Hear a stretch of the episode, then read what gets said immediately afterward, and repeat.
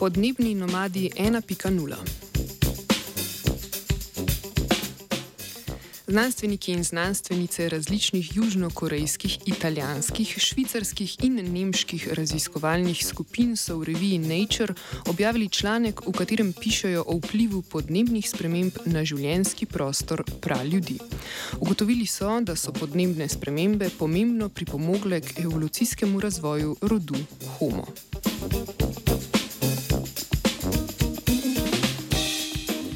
Na podlagi klimatskih modelov Pleistocena v kombinaciji s fosilnimi ostanki in arheološkimi najdbami so analizirali primernost okolja dveh milijonov let za pet vrst človečnjakov. Prikazali so, da so temperaturne spremembe in padavine pomembno vplivali na selitve praljudstva. V zgodnjem Pleistocenu so praljudje večinoma naseljevali območja ob ekvatorju, kjer je temperaturno nihanje nižje, pozneje pa so se preselili tudi na območja, kjer so temperaturne razmere spremenljivejše.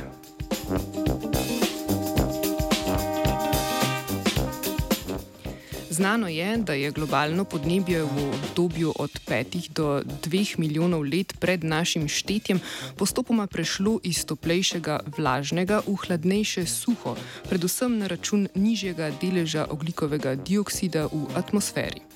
Tako so se območja afriških savan širila, kar je v skladu s tako imenovano savansko hipotezo o izvoru človečnjakov z teh območij. Ta med drugim pravi, da naj bi s časoma naši predniki privzeli pokončno držo in hojo po dveh nogah ter zapustili gozdnata območja. Genetske predispozicije posameznikov, bolj prilagojenih na temperaturna odstopanja, pa so pripomogle k selekciji teh osebkov na področjih više geografske širine, saj so imeli tam boljše pogoje za preživetje kot splošna populacija. Thank you.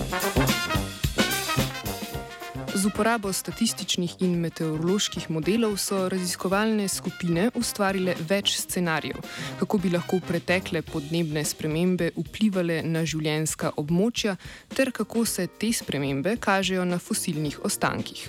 Različne vrste človečnjakov so razvrstili v podskupine in raziskovali njihove interakcije ter povezave med podnebnimi spremembami in njihovo evolucijsko diverzifikacijo. Na podlagi takšne delitve v skupine so v raziskavi potrdili, da so bili predstavniki rodu Homo erectus fleksibilni generalisti, ki so naseljevali afriška območja. To pomeni, da so, bili, da so se bili sposobni hitro prilagajati na okoljske spremembe. Njihovi nasledniki, predstavniki rodu Homo sapiens in neandertalci, so se bolje prilagodili na suhe pogoje ter se med selitvami ustalili v bolj severnih predeljih sveta. Obojni so v istem časovnem obdobju živeli na enakih področjih v Evraziji.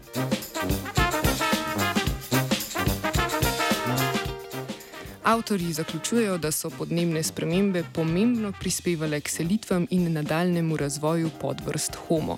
Na to so vplivali predvsem interakcije različnih podvrst, vključno z medvrstnim križanjem, ki so živele na območjih s podobnimi življenjskimi pogoji.